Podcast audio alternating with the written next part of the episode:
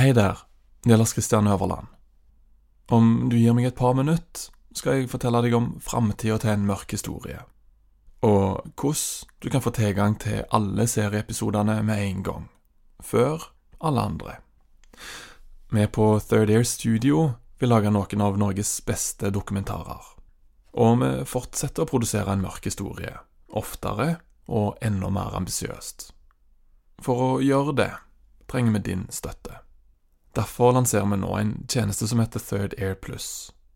Der kan du som lytter via Apple Podcaster eller Acast, bli abonnent. Du kan forhåndslytte til alle episodene med en gang vi slipper nye serier, uten å bli forstyrra av reklame. Og etter hvert ønsker vi å slippe eksklusive episoder, kun for deg som abonnerer. Og kanskje helt egne programmer. Takk for at du har lytta så langt. Om du vil støtte oss på reisen og bidra til flere og bedre dokumentarer, bli abonnent på Apple Podcaster. Eller følg lenka i episodebeskrivelsen til Acast nå. Tusen hjertelig takk. Hiring for your small business? If you're not looking for professionals on LinkedIn, you're looking in the wrong place. That's like looking for your car keys in a fish tank. LinkedIn helps you hire professionals you can't find anywhere else, even those who aren't actively searching for a new job but might be open to the perfect role. In a given month, over 70% of LinkedIn users don't even visit other leading job sites. So start looking in the right place. With LinkedIn, you can hire professionals like a professional. Post your free job on linkedin.com slash people today. Millions of people have lost weight with personalized plans from Noom. Like Evan, who can't stand salads and still lost 50 pounds. Salads, generally, for most people, are the easy button, right? For me, that wasn't an option. I never really was a salad guy. That's just not who I am. But Noom worked for me. Get your personalized plan today at Noom.com. Real Noom user compensated to provide their story. In four weeks, the typical Noom user can expect to lose one to two pounds per week. Individual results may vary.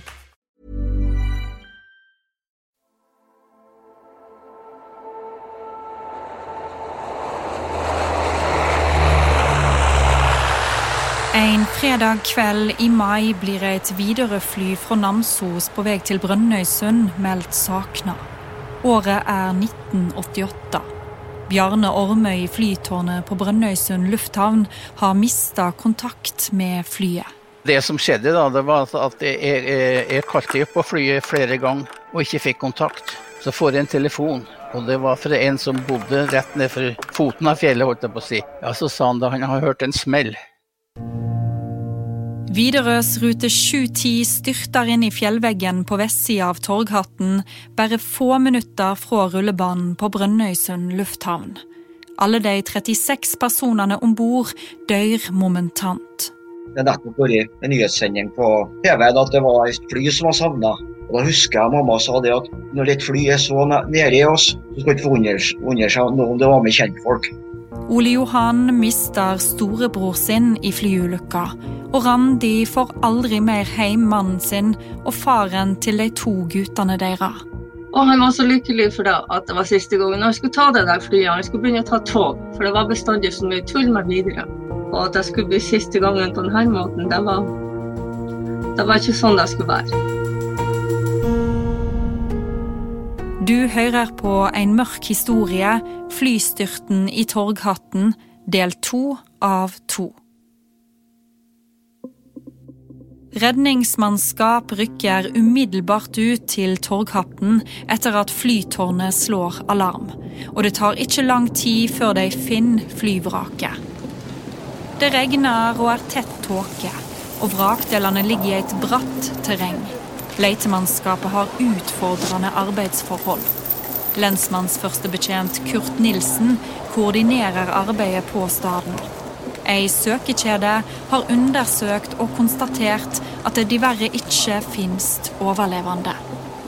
Først så trodde vi at flyet har gått ned i ura der det aller meste av omkomne og vrakrester lå.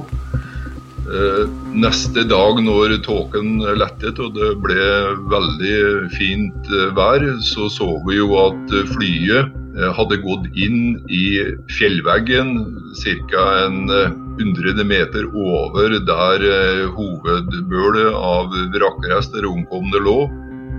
Magnar Solbakk er soldat i Heimevernet og hjelper til med å holde vakt ved ulykkesstedet. Flyet har eh, truffet Torghatten eh, en 100 eh, meter eller eh, vel så det høyere oppe. Og så styrta det ned, i ei, eh, ned over fjellsida og ned over i uh, Ura. da. Og Det var derfor jeg fikk det her teamet fra Svolvær med fjellklatrere til å gå opp den fjellveggen, og der fant vi jo da fem omkomne som var slengt ut av flyet da styrbordvingen hadde truffet eh, fjellet.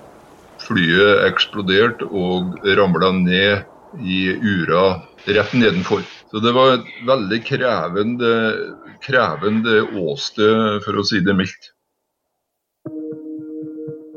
Dagen etter ulykka får skadestadsleder Kurt Nilsen i politiet hjelp av både Kripos og Havarikommisjonen. De er på plass for å undersøke havariet og forhåpentligvis finne svaret på spørsmålet alle lurer på hvordan kunne flyet kjøre rett i Torghatten? Neste dag, 7. mai, så ankom da ID-gruppen fra Kripos eh, samt eh, Flyhavarikommisjonen. Når man da kommer kommer til ulykkesstedet, så er det vil man jo gjerne prøve å dokumentere det som eh, kan forsvinne, det som eh, må tas vare på med en gang. Og det kan være som typisk som treffmerker i fjellet, som det fremgår av rapporten at eh, de har gjort. Kåre Halvorsen leder i dag Flyhavarikommisjonen i Norge. Der kan man se om flyet hadde lå i en sving, eller om det var i en stigning, eller ja, en del sånn type informasjon. I tillegg så vil man jo prøve å lete etter spor på selve flyvraket. Det kan være seg instrument f.eks. Og det er hvordan, hvordan, eh, flyet på en måte har blitt brutt opp i en uh, ulykke. Det forteller litt om energi. Det, det, kan også fortelle om det var eventuelt noe feil ved flyet før, før det traff fjellet. Medan Havarikommisjonen etterforsker åstedet, jobber teknikere med å identifisere passasjerene. Arbeidet begynte med at ID-gruppen eh, tok seg inn i området. Og eh, fikk da bistand fra båremannskaper som gikk inn og tok ut eh, avdøde personer. Brakte dem til en samleplass for døde. Senere så kom jo eh, Heimevernet i en rolle der en eh, bar ut folk. Magnar Solbakk i Heimevernet. Jobben med å frakte ut de døde skal komme til å påvirke flere av de frivillige mer enn de aner. Og, og det òg var en, en, rolle som Heimevernet hadde, og som eh, nok eh, kanskje de som hadde sterkeste ettervirkninger av, av arbeidet de var nok med på eh, nettopp den operasjonen.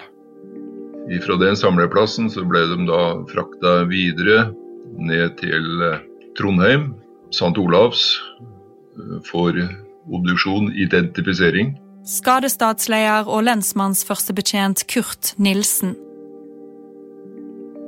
Ikke minst så var det mye jobb med å få flyrester løfta ut av området. Vi hadde også ganske omfattende arbeid med å samle bagasje, personlige gjenstander, som eh, da ble frakta ned til Brønnøysund, flyplassen, på helikopter, en helikopterhangar der. Hvor eh, politiet identifiserte de her gjenstandene, hvem det tilhørte osv. Pressa får raskt høre om ulykka i Torghatten, og samme kvelden 6. mai kommer journalister til åstedet for å dokumentere hendinga. Den første prestemannen som var der oppe, det var Roar Berg-Hansen fra Brønnøysunds Avis. Og vi hadde et veldig godt samarbeid. Jeg tillot at han sto inne på det sentrale ulykkesstedet. Og han fikk i oppdrag å ta så mye bilder som han fant nødvendig. og Lensmannsførstebetjent Kurt Nilsen er tidlig opptatt av å gi journalistene god tilgang. De har en meget viktig rolle å spille bl.a. i sånne saker som det her. Å få publikum gjort oppmerksom på hva som har skjedd, og likedan følge opp saken videre, noe som de også har gjort. For å kanskje få svar på hva var årsaken til at dette greiene skjedde. Så det, det er viktig at pressen får gjøre jobben sin. I akuttsituasjonen så er det jo en nesten desperat jakt på informasjon om hva som virkelig har skjedd. Sannheten, i den grad den finnes. Overlege Mats Gilbert ved Universitetssykehuset Nord-Norge i Tromsø kommer raskt til Brønnøysund etter ulykka. Han har allerede god erfaring med traumatiske kriser, og spiller ei aktiv rolle i kriseberedskapen til kommunen. Jeg tror det var et initiativ fra kommuneledelsen som ville ha støtte i sin kriseledelse, og sammen med psykolog Atle Dyrjo fra Bergen, så dro jeg da til Brønnøysund, og vi etablerte en eh, støttegruppe for kommunens kriseledelse. Ofte er jo dette en, en, fase hvor politiet etterforsker, kanskje er man ikke ferdig med å lete, kanskje har man ikke funnet alle de berørte. Da er eh, alle ekstremt hudløse i forhold til eh, informasjon. Etter hvert dagen etterpå så kom det jo ja, nesten si en sverm av pressefolk den ble jo stoppa, ytre sperrekjede, og forhindra å gå videre. Når dere ble klar over det, så ga jeg beskjed om at resten presse media kunne melde seg der oppe på skadestedet hos meg. Og de fikk da eh, tilgang både på å se og fotografere. Og som jeg sa med dem, det er deres ansvar, moralsk etisk, hva dere bruker av det dere tar bilde av, og det dere ser og opplever her oppe. Og Jeg husker veldig godt den morgenen, eh, jeg husker ikke om det var andre eller tredje morgen, hvor det kom en nyhet om at letemannskapene hadde funnet en, en tydelig stripe i eh, fjellet Torgaten. Der man var ganske sikker på at vingen til flyet hadde tatt inni fjellet og skrapt bortover før flyet så totalhavarerte i fjellveggen og alle ble drept.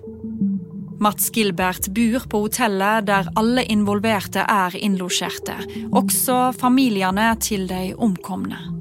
Men når denne stripen i fjellet ble kjent, og jeg husker det kom på NRK, jeg tror til og med det kom på Riksnyhetene på Dagsnytt, så spredte det seg med en gang en usikkerhet.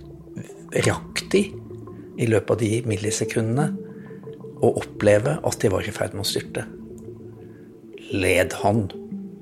Rakk hun å bli redd? Døde hun i frykt? Døde han i smerte? Og Det er selvfølgelig et spørsmål som vi vanskelig kan svare eksakt på. og Vi prøvde å regne ut fart og lengde på den stripen og vår egen menneskelige reaksjonstid. Og vi fant vel ut at det var usikkerhet om hva vi kunne svare, men at vi med rimelig grad av sikkerhet kunne si at det var neppe slik at de rakk å reagere før alt var over. Medan Havarikommisjonen analyserer funnene på styrtstaden, leter folk etter ei forklaring. De berørte har et behov for å forstå.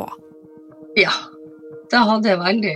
Jeg forstår fortsatt ikke hvordan det er mulig å treffe den der lille vorta Unnskyld, jeg kaller det ikke et fjell. For det er jo åpent hele veien rundt. Så det skulle nesten være teknisk umulig å, å treffe det der.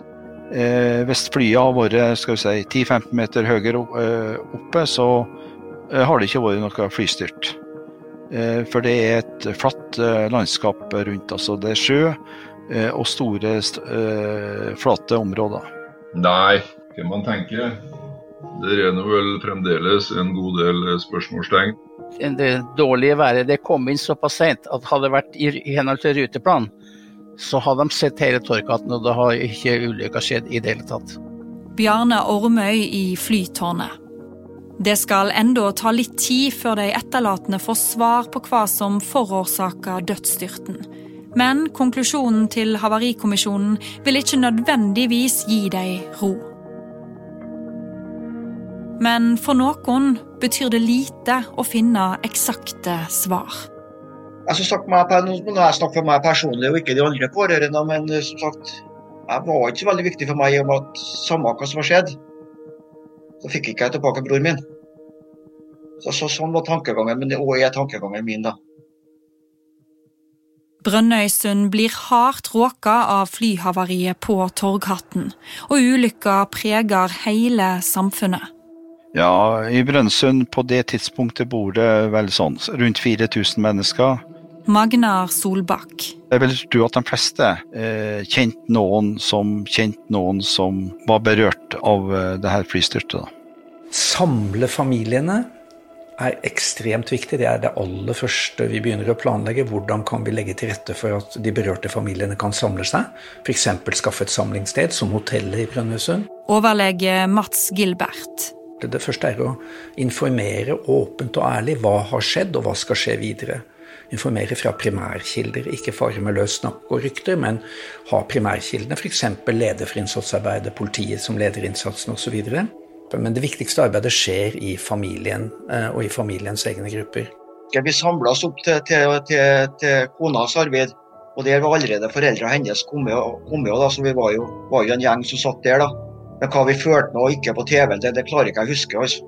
Jeg vet bare vi var samla hjemme hos henne. Som sagt, De første timene etterpå det, det klarer ikke jeg å huske. Vi, vi var jo i sjokk hele gjengen. Arvid, storebroren, er borte. Den eldste i en søskenflokk på seks. Ole Johan er minstemann og ser opp til både faren og storebroren, som begge er fiskere. Bestemte meg tidlig at jeg ville ut i, i det yrkeslivet. da. Og Da var det naturlig at Arvid tok meg, tok meg med. Så Arvid har bestandig vært ja, som et kinderegg for meg. da. Han var både en bror, han var en uh, arbeidskamerat og ikke minst en stor læremester. Og vi sto hverandre veldig nært. Åpne for følelser er det andre viktige stikkordet. Ta imot følelsene slik de er. Vi er forskjellige, vi mennesker. Det er ikke noe fast mønster for hvordan vi reagerer etter eh, plutselig uventede tap. I ettertid så det er det første jeg husker på når det, som jeg føler at nå er det alvor, nå, nå går det opp for meg. Det var da navnet ble opplest på TV-en av dem som var savna omkomne. Da jeg fikk høre navnet på broren min der, da, da gikk det opp for meg at dette var og dessverre var det en veldig tragisk hendelse som ramma oss, da. Og alle andre også, som var involvert, selvsagt. Men Torgaten-ulykken var jo brutal og utslettende for, eh, for, et helt lokalsamfunn. Og det at dette lokalsamfunnet sto opp og viste så mye kjærlighet og solidaritet, det, det skal jeg aldri glemme. Noen dager etter ulykka blir det arrangert ei minnemarkering i Brønnøysund. Og Der var jo både fylkesmannen og direktøren i Widerøe og statsminister Gro Harlem Brundtland kom jo fra Oslo for å være med på den store minnehøytideligheten som var veldig Jeg kjenner følelsene kommer nå når jeg snakker om det. Det var veldig berørende. Vi er ikke fler her i landet enn at en tragedie som denne påvirker oss alle. Et helt folk føler med dere i sorgen over de som er borte. Statsminister Gro Harlem Brundtland i et nyhetsklipp fra NRK. Mamma tok det veldig tungt. Hun bar med seg resten av livet. Og jeg husker, jeg husker blant annet det minnesamværet, så har jeg et sterkt minne på at Gro Harlem Brundtland kommer og tar mamma i handa og snakker med henne. Og Det har jeg nevnt om mamma mange ganger etter at det betydde veldig mye for henne og Gro begynte å tok seg tid til å snakke med hver enkelte. I minnegudstjenesten så var det laga et blomsterkors for hver av de omkomne. 36 kors som hver gruppe pårørende fikk med seg hjem. Dette fikk jeg lov til å ta med meg. Fikk personlig lov til å legge det på kista hos Arvid ved begravelser, der jeg kunne fortelle hva det har betydd for meg både som arbeidskamerat, bror og ikke minst læremester. Og akkurat den prosessen at jeg fikk gjøre det, tror jeg har gjort med meg at jeg klarte å komme meg gjennom og savnet etter en, på, på, en brukbar måte. da. Han ville alltid være med meg, men jeg, jeg syns jeg klarte å takle det greit. da. Og slike markeringer er viktige i sorgarbeidet, mener overlege Mats Gilbert. Det er jo bare å se på bilkøen utenfor kirkegårdene på julaften og nyttårsaften. Så ser vi hvor viktig det er. Da går vi, i, da går vi jo manna og kvinna av huset for å tenne lys på de dødes graver. Det er jo nettopp en minnemarkering. Eh, og det er jo et, et, et helt irrasjonelt ritual. De døde er døde, og det lyset slukker. Men det er uendelig viktig for oss å ha et sted å helligholde de døde.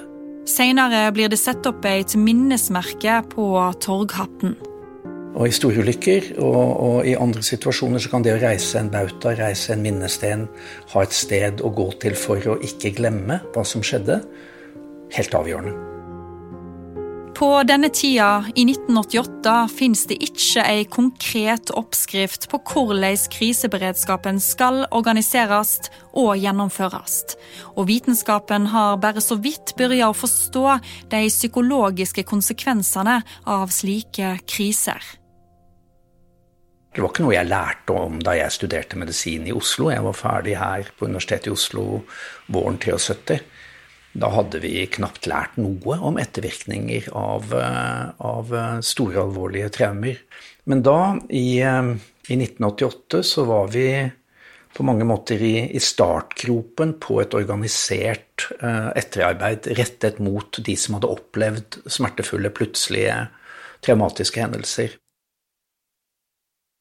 Også for redningsmannskapet som er ute ved Torghatten disse dagene, blir jobben med flyvraket og å frakte ut de omkomne ei stor belastning. Millions of people have lost weight with personalized plans from Noom. Like Evan, who can't stand salads and still lost 50 pounds. Salads generally for most people are the easy button, right? For me, that wasn't an option. I never really was a salad guy. That's just not who I am. But Noom worked for me. Get your personalized plan today at Noom.com.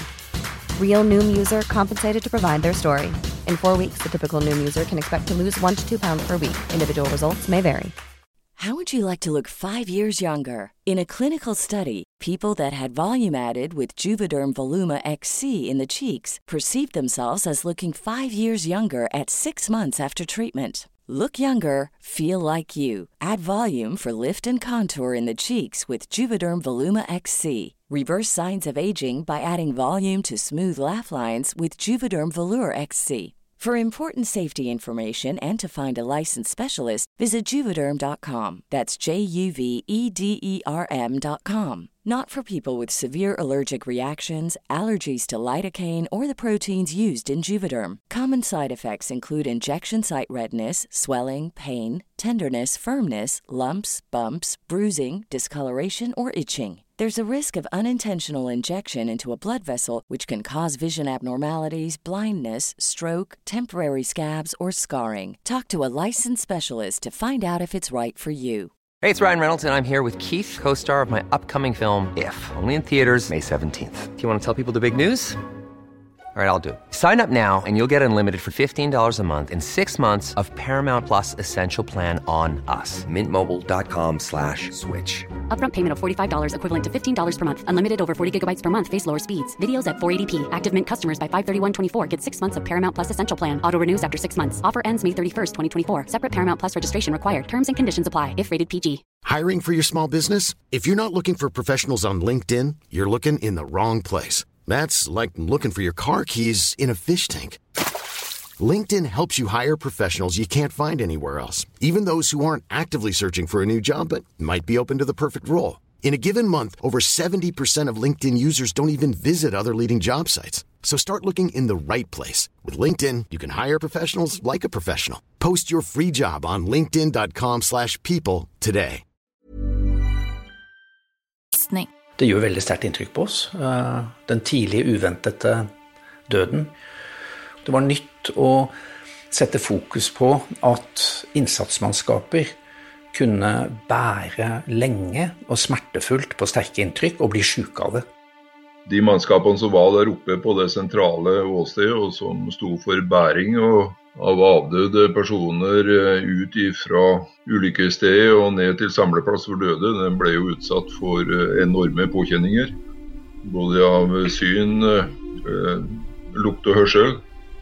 Sånn at under operasjonen så ble jo den hver dag sendt ned til Brønnøysund, hvor de fikk ordre om å møte hos kriseteamet.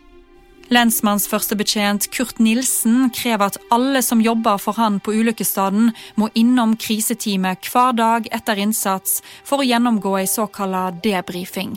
Jeg hadde på forhånd kunnskap om krisepsykiatri og visste hvor viktig det var med en debrifing hver dag for de mannskapene som var mest utsatt for inntrykk inne på åstedet? Eh, da ble det samla i eh, ja, Jeg vet ikke hvor mange heimevernssoldater som var involvert etter hvert i hele arbeidet, men jeg vil jo tro at det var kanskje mellom 50 og 100. Magnar Solbakk i Heimevernet deltar på disse samlingene. Sånn at da ble vi samla i gruppe. Jeg husker ikke hvor stor disse gruppen var, men kanskje 10-15 personer. Eh, vi satt i en ring. Det var eh, psykolog, noe annet helsepersonell til stede. Eh, og vi gikk gjennom hendelsen om forløpet, hvordan vi opplevde ja, ulike typer reaksjoner. Ja, jeg opplevde det som veldig positivt og veldig viktig. Og, og jeg vil tro at det var noen som fikk tilbud om flere samtaler, eller eh, ba om flere samtaler. Trass i tett oppfølging, så er det ikke alle som takler de usedvanlig tøffe opplevelsene like godt i ettertid. En av tendensene eh, når sånne ulykker skjer, det er at, at en føler at en må tilbake. Altså mens det pågår. Altså eh, folk melder seg veldig til eh, tjeneste, eh, og noen melder seg overdrevet sterkt til tjeneste. Det som sitter sterkest igjen, det er jo det her med at det var mannskaper i jobb i Torkatten som sleit med de inntrykkene ble utsatt for mange, mange år etterpå. Eh, faktisk snakka jeg med en eh, som sleit enda i 2020. Det er trist. Eh, de mannskapene gjorde en utrolig viktig og skikkelig god jobb der oppe. Så det gir et veldig inntrykk at de skal slite med det her greiene så mange år etterpå. For det er sånn hos mennesker at øh, hvis vi ikke får bearbeidet tap, så kan vi på lang sikt oppleve depresjoner. Og hvis vi ikke får bearbeidet trusler mot eget liv, så kan vi på lang sikt oppleve lammende angst. Så det er stor helserisiko forbundet med å bli eksponert for uh, plutselig uventede tap og sterke følelsesmessige inntrykk og trusler mot eget liv. Og innsatsmannskaper opplever jo ofte alle de tingene. Kurt Nilsen roser overlege Mats Gilbert for innsatsen med krisearbeidet. Og han satte jo standard, eh, vil jeg si, på det her med kriseberedskap som eh, kommuner eh, måtte sørge for å bygge opp og ha kompetanse på for fremtiden. Han var ikke tilhenger av det han kalte de flyvende hollendere. Altså, ja, kalle dem profesjonelle psykologer, psykiatere, krisepsykiatere som skulle flyes inn eh, f.eks. til Brønnøysund i en sånn setting. Han mente at det måtte bygges opp eh, kompetanse lokalt, noe som jeg er helt enig i, og noe som har skjedd ikke bare i Brønnøysund, men over hele Norge. Det sterke med Norge er jo at vi har veldig flotte kommuner. og etter hvert har det jo blitt sånn at alle kommunene også skal ha en kriseplan for psykososialt krisearbeid. Det var det jo ikke på den tiden. Det er i lokalsamfunnet ressursene ligger. Det er i lokalsamfunnet den kloke kriseinnsatsen ligger, og det er der framtida til de berørte ligger. Et drøyt år etter styrten, august 1989, kommer Flyhavarikommisjonen med sin rapport. Man vet eh, helt klart hva som skjedde den fredagen i 1988, men man vet ikke hvorfor det skjedde. Det vet man ikke. Kåre Halvorsen er i dag leder for Flyhavarikommisjonen. Han forklarer at det eneste de er sikre på, er det åpenbare. At flyet føk for lågt før det traff fjellveggen. Eh, den initielle undersøkelsesrapporten eh, fastslår ingen entydig eh, grunn eller årsak til ulykken. Bjarne Ormøy i flytårnet i Brønnøysund hadde kontakt med flyet bare minutter før men det var først seinere han fikk vite hvor lågt det faktisk føk. Det var ikke hans oppgave å ha kontroll på det. At de må ikke forlate 1500 fot, det er minstehøyden. 1500 fot. Torkatten ligger ved 800-900 fot. Så 1500 fot det er, det er minstehøyden når de passerer Torkatten. Da kan de gå ned igjen etterpå. Det vi ser da ut ifra eh, kommunikasjon og de tekniske dataene som eh, ble berga etter ulykken, det er at eh, når flyet var åtte nautiske mil ute, så ble det rapportert til eh, tårnet fra flyet at man var åtte nautiske mil ute. Likevel så starta man en prosedyre som om man var fire nautiske mil ute. Men det viste jo at de forlot jo 1500 fot på åtte mil istedenfor å forlate på, på fire mil. Så det var jo det som skjedde den gangen. Så det betyr at man eh, konfigurerte flyet, eller satte opp flyet, for en eh, innflyving bevisst åtte nautiske mil ut. Så det betyr at man da 7,5 km for langt ute starta på en nedtrapping av flygebanen som om de skulle ha vært mye nærmere flyplassen. Hva årsaker til den fatale og altfor tidlige nedstigninga kan være, er det Havarikommisjonen prøver å finne ut av. De, de, det de sier, eh, ordrett, kommisjonen kan ikke angi noen sikker grunn til at nedstigningen ble, ble iverksatt så tidlig.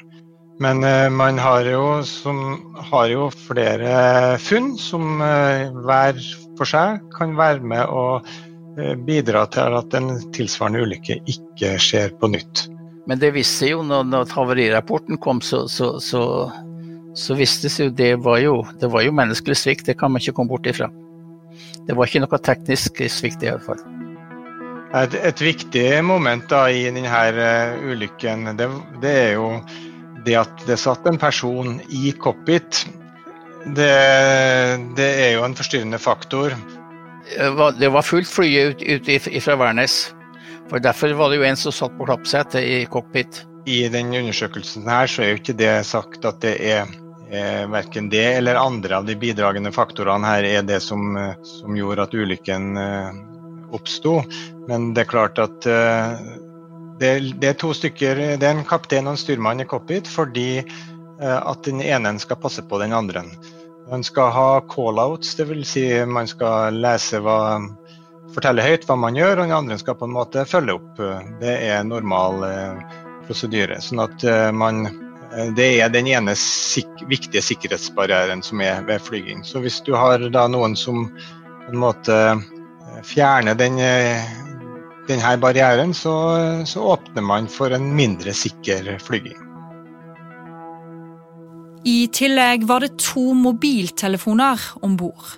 Om elektromagnetisk stråling fra en av disse kan ha vært en medvirkende årsak, blir også sjekka ut. Det var kartlagt at det var med to mobiltelefoner om bord i flyet. På slutten av 80-tallet var ikke mobiltelefoner dagligdags. Mobilene så ut som svære klosser med tasteknapper og antenner. Jeg har ikke sett mobiltelefonene, men eh, jeg husker jo de var veldig store. Og det var ikke veldig mange som hadde dem, så de som hadde dem, ble jo lagt merke til. I 2013 lager Havarikommisjonen en tilleggsrapport. Eh, det som skjedde da i 2013, var at eh, Havarikommisjonen ble kontakta med spørsmål om Eh, Havarikommisjonen hadde kikka på hva en mobiltelefon eventuelt kunne ha bidratt til i eh, ulykken. Det var det vi da ville eh, bringe på, på, det rene. Gitt den informasjonen vi satt med, så kunne vi jo verken utelukke at de var brukt, eller at de sto på. Havarikommisjonens konklusjon er at de to mobilene gitt at de var slått på, og også at de var i bruk, ikke vil ha påvirka flyvinga eh, i en slik grad at man fikk en ulykke. Et klart svar på hvorfor flyet begynner nedstigninga fire nautiske mil for tidlig, kan altså ikke Havarikommisjonen gi. Men det en uansett ikke kommer vekk ifra, og som folk blir opptatt av, er at det mest sannsynlig er menneskelig svikt. Eh, jeg har ikke lest den fra perm til perm, eller Heimevernssoldat Magnar Solbakk. Eh, men jeg oppfatter vel at eh, det ikke var noe teknisk feil, men mer en menneskelig svikt. Eh, som gikk på at en eh, trodde at den var nærmere flyplassen eh, enn den var. Ikke noe spesielt ute av kurs, eh, men, men var for lavt. i, i, forhold til innflyginga til flyplassen.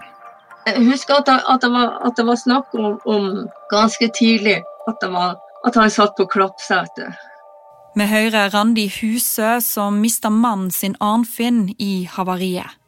Og derifra så kan man jo tenke noe uoppmerksomhet, men det er jo ikke noe man vil gå inn på. Det er jo for seint. Det var jo noe som skulle ha vært tatt tak i der og da, og ikke, ikke noe i ettertid. Ja, jeg oppfatter vel at det har vært litt eh, debatt og litt følelser, og det er klart at spesielt når vi kommer inn på det med menneskelig svikt, så ja, så er det jo noen som føler at det kommer ganske tett eh, ens nære, som har hatt en rolle i forbindelse med, med flyets eh, gang, da. Det er jo ikke sånn som man ønsker å snakke om for deg, at det er jo noen som har mista dem òg. Og de sitter jo med det samme tapet. Ole Johan er av samme oppfatning. De, de har jo sine pårørende de som skal, skal, skal, bære med seg dette videre. da, og, og da hvis det, hvis det så var at det var menneskelig svikt bak, så har de igjen sine pårørende som har noe å slite med i forhold til det. da. Det, det kan ikke forandres, det som skjedde. Det, det kan ikke forandres uansett. Dessverre så skjer jo det her med at uh, der satt jo en uh, passasjer på klappsetet i cockpiten. Kurt Nilsen, daværende lensmanns førstebetjent. lokalt her så ble vel han utpekt som syndebukk for at han har forstyrra kapteinen, som igjen gjorde at det her katastrofen kunne skje. Noe som er hinsides urettferdig. Og de etterlatte etter den personen har vel eh, urettferdig fått uh, smakt på ja, den urettferdigheten til gangs, noe som jeg syns er veldig trasig. Likedan så syns jeg jo at tidligere kollega av flykapteinen utpeker han som den personen som har svikta og som er årsaken til denne ulykken. Jeg syns begge de to eksemplene kunne vært unngått eh, absolutt. Rapporten sier at besetninga ikke kommuniserte godt nok og unnlot fullt ut å forholde seg til gjeldende prosedyrer. Kåre Halvorsen i Havarikommisjonen mener det dreier seg om organisasjonssvikt. Rapporten eh, peker jo på at det har vært, eller over tid da, hadde danna seg en tydeligvis en uh, uheldig kultur med at man kanskje ikke nødvendigvis uh, var helt tro mot det som var, var intensjonene i utgangspunktet. Det er, er, jo ikke sånn selskapet skulle ha det. Men det var ikke, etter det det fremkommer i rapporten, uvanlig at det var sånn. Uh, og når du da har en tredjeperson i cockpit, så vil den kunne forstyrre Eh, de normale arbeidsoppgavene. Eh, og det påpekes jo, påpekes jo, i rapporten at det var veldig lite kommunikasjon mellom styrmann og kaptein. Hvis man leser de tilrådningene som eh, var etter den første undersøkelsen, så, så går de tilrådningene for en stor del til selskapet.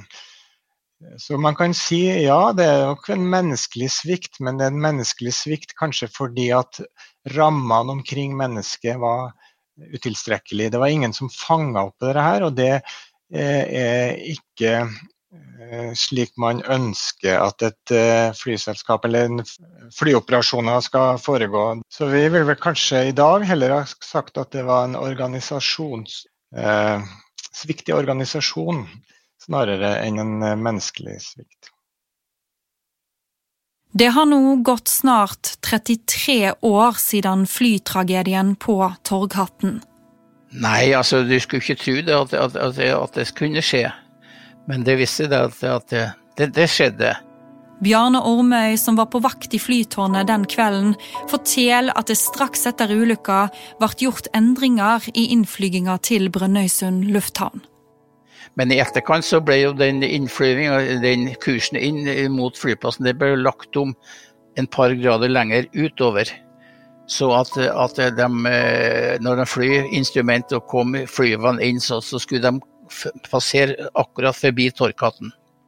I tillegg til det så har de jo da eh, teknikk eh, som gjør at det er umulig å selv i stummende mørke, dårlig vær, å komme borti den der hatten der. Så den er godt synlig faktisk nesten i alle himmelretninger, med sitt røde lys på toppen. Likedan så er vel Brønnøysund eh, den flyplassen som sikrest å fly på i dag. De har jo tilgang på instrumenter eh, og hjelpemidler som eh, de ikke hadde i 88. Åpenbart en konsekvens av det som skjedde. For de som mister sine kjære i ulykka, forsvinner ikke sakene. Tapet har prega hele livet deres. Jeg har alle vært glad i å fly. Jeg syns det var ubehagelig. Så jeg har faktisk ikke flaggerstier. Den ene sønnen til Randi slutta å snakke da han i 1988 som fireåring fikk beskjed om at faren var død. Det var mest ja og nei og jeg veit ikke. For før den tid så, så snakka han jo hele tida. Så det var så godt å ha han som 16-åring når jeg begynte å få han tilbake igjen og han begynte å snakke. Og humøret hans kom tilbake.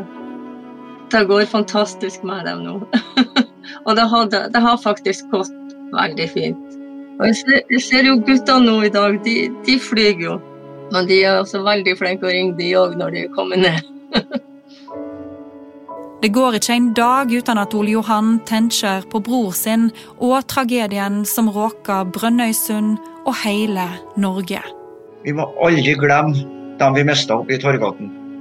Jeg mista min bror, men det var 35 andre også som kom bort oppi der som det sitter pårørende igjen og aldri kommer til å, glemme. Således, eh, derfor vil jeg at dette skal minnes og ikke glemmes. Du har hørt på en mørk historie, 'Flystyrten i Torghatten', del to av to. Produsert av Marte Rommetveit og Linn Helene Løken ved Munch Studios. Lydlegging Gustav Sondén. Ansvarlige produsenter er Carl Fridsjø og Joel Silberstein Hont ved Just Stories.